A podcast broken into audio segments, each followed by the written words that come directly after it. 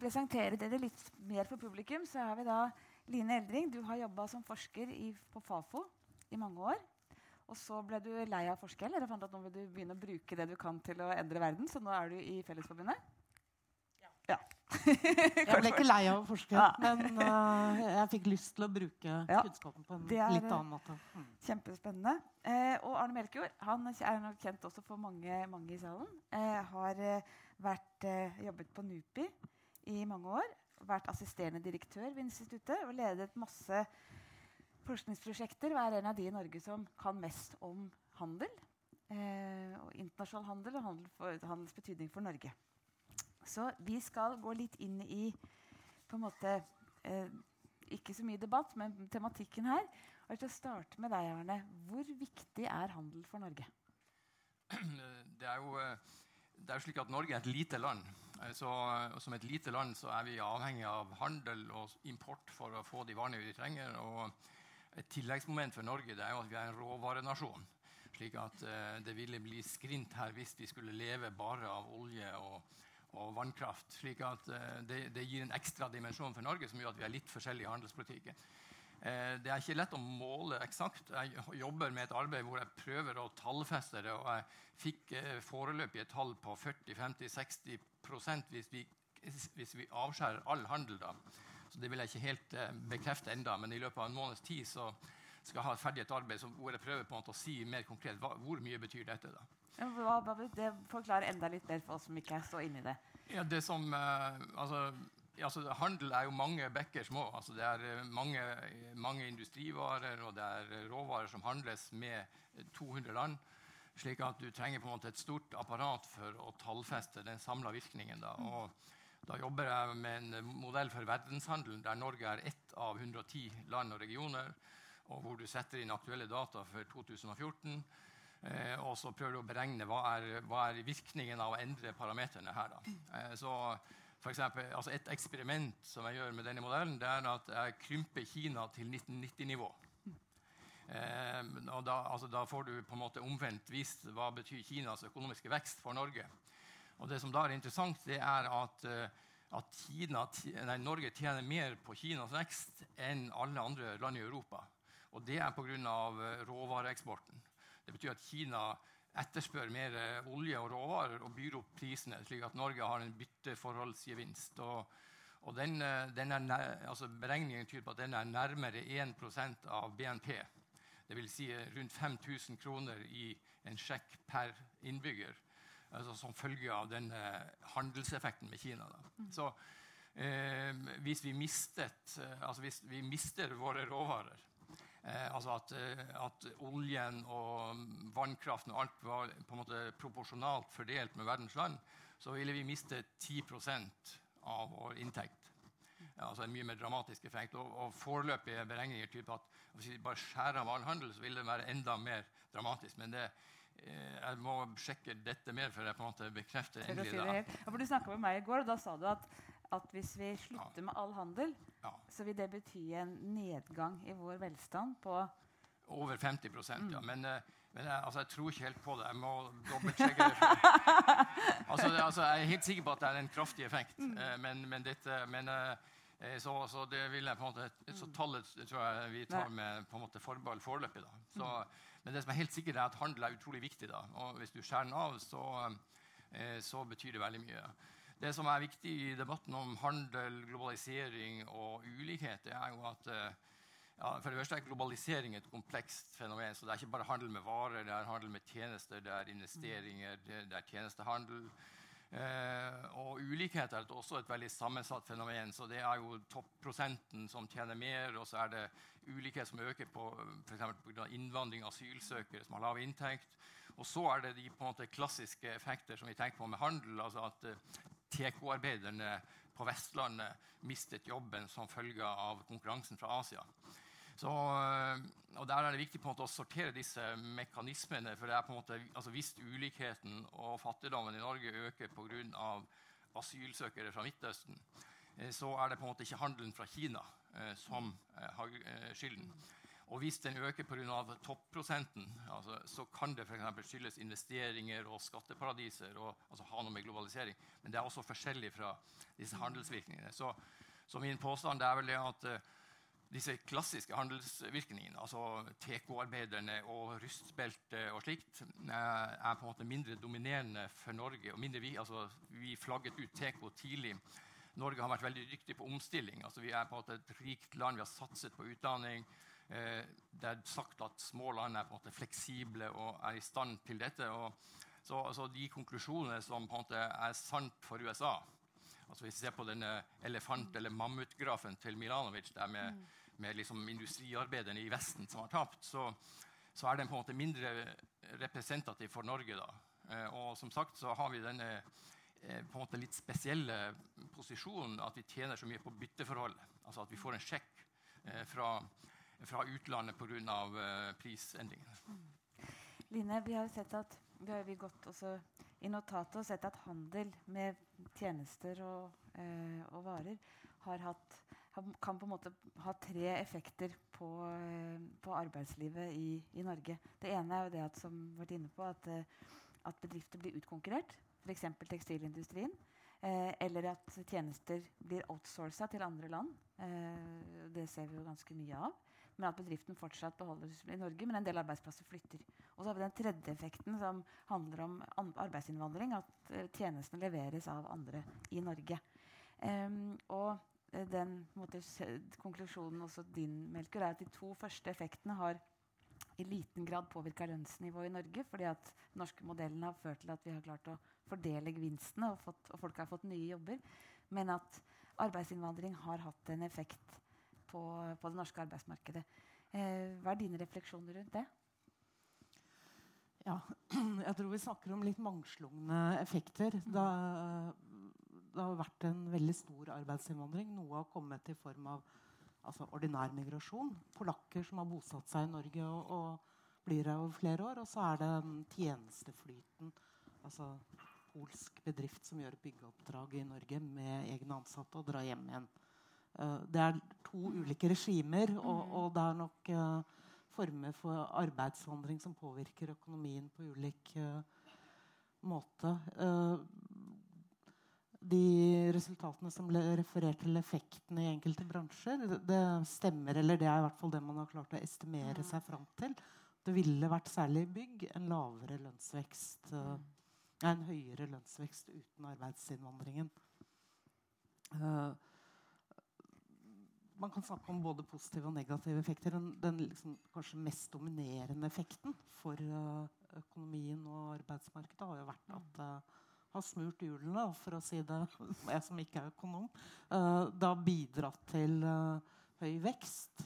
Det har bidratt til å opprettholde lokalsamfunn med mangel på arbeidskraft langs kysten særlig. Og så har det jo, som jeg har viet ca. 15 år av mitt forskerliv til, også medført Eh, problemer når det gjelder uh, sosial dumping, lavlønnskonkurranse. Uh, det er mye som tyder på at den norske modellen ikke virker for alle. Og den har ikke helt uh, klart å stå imot dette sjokket når det gjelder arbeidslivsmodellen. Men Kan du si litt mer om de to typene? Og Det ene er de som kommer hit uh, og bosetter seg og jobber her. Og det andre er, er typ, uh, polsk byggefirma som kommer og eh, tar oppdrag. Hvordan, på hvilken måte har disse to forskjellige tingene påvirket det norske arbeidsliv? Ja, uh, aller først sånn, In real life så er det ikke alltid vi klarer å skille disse to formene. Men, men regelverket, EU-regelverket eller EØS-regelverket er ulikt. Og det er også ulikt, noe ulikt hvilke regler som gjelder for dem uh, i Norge. Norsk Industri uttalte i 2007 at uh, vi trenger 100 000 flere arbeidsinnvandrere men de må komme i form av tjenester.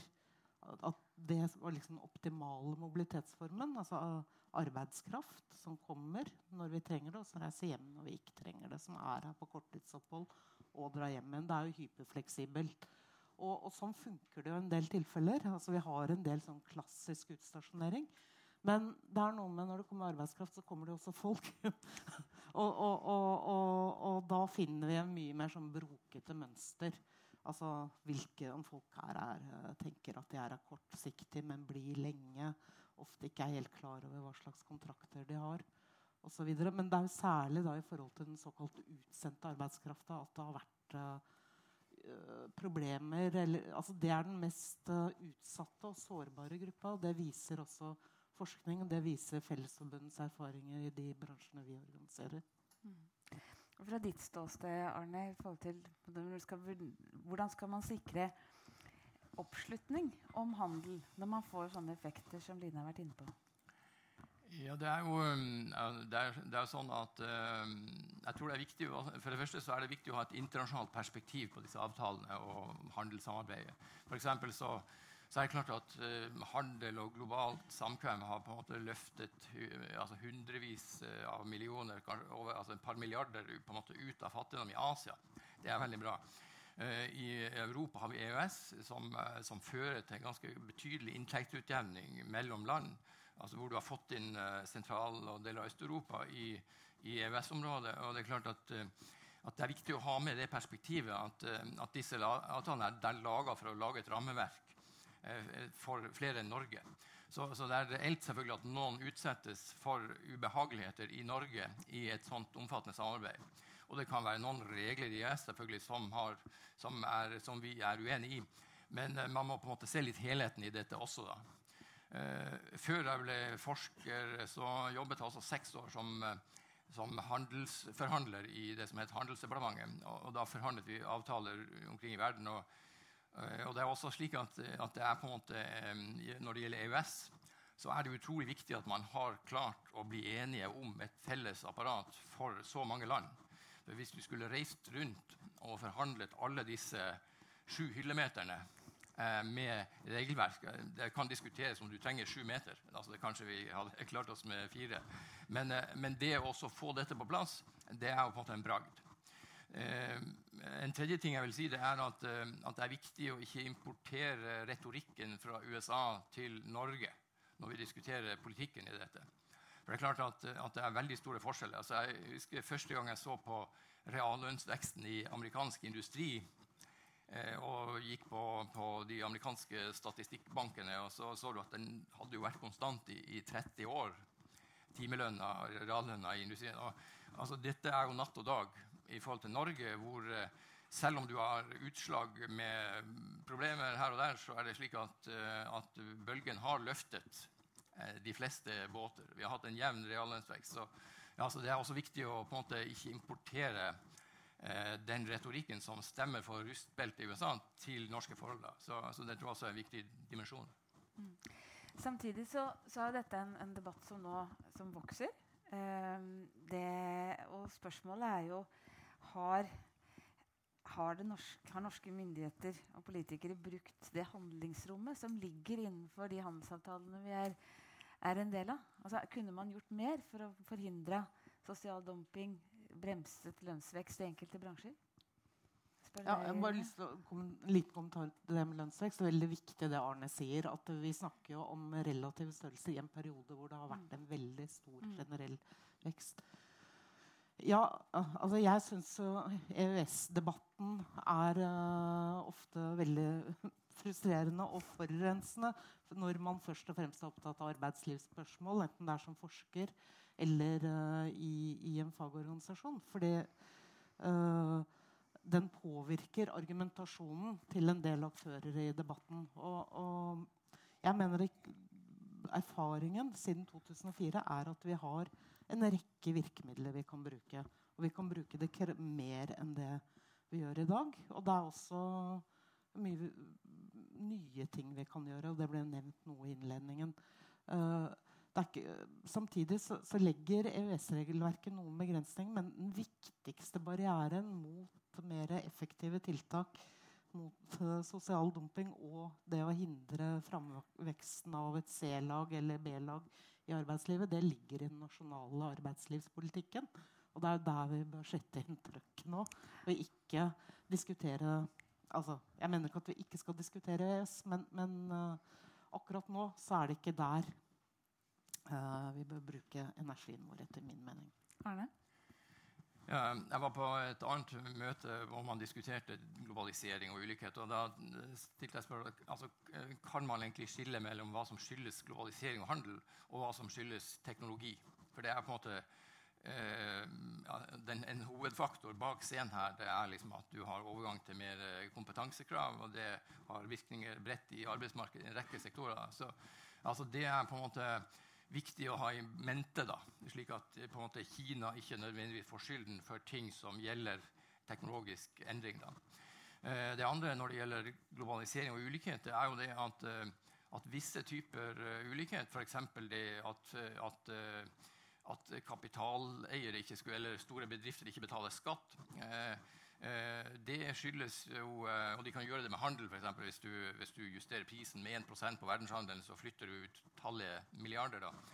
Men spørsmålet er hvordan får vi regimer internasjonalt å, som håndterer det?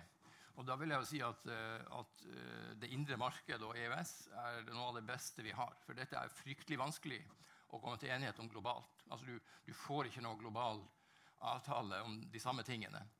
Men, i, eh, men en, altså hvis vi ser på Norges track record i forhold til Sveits og Liechtenstein, og sånt, så trengte vi på en måte hjelp av EU for å ta opp en del av tingene når det gjelder finansielt innsyn etc.